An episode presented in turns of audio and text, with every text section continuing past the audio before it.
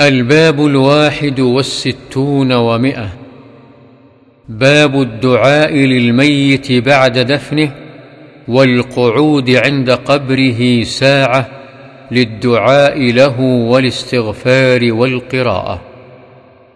عن أبي عمرو وقيل أبو عبد الله وقيل أبو ليلى عثمان بن عفان رضي الله عنه قال كان النبي صلى الله عليه وسلم إذا فرغ من دفن الميت وقف عليه وقال استغفروا لأخيكم وسلوا له التثبيت فإنه الآن يسأل رواه أبو داود.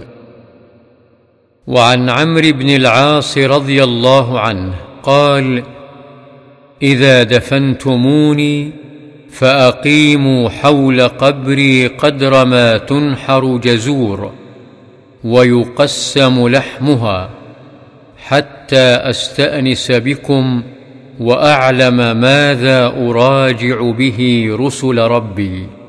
رواه مسلم. وقد سبق بطوله قال الشافعي رحمه الله ويستحب أن يقرأ عنده شيء من القرآن وإن ختموا القرآن عنده كان حسنا.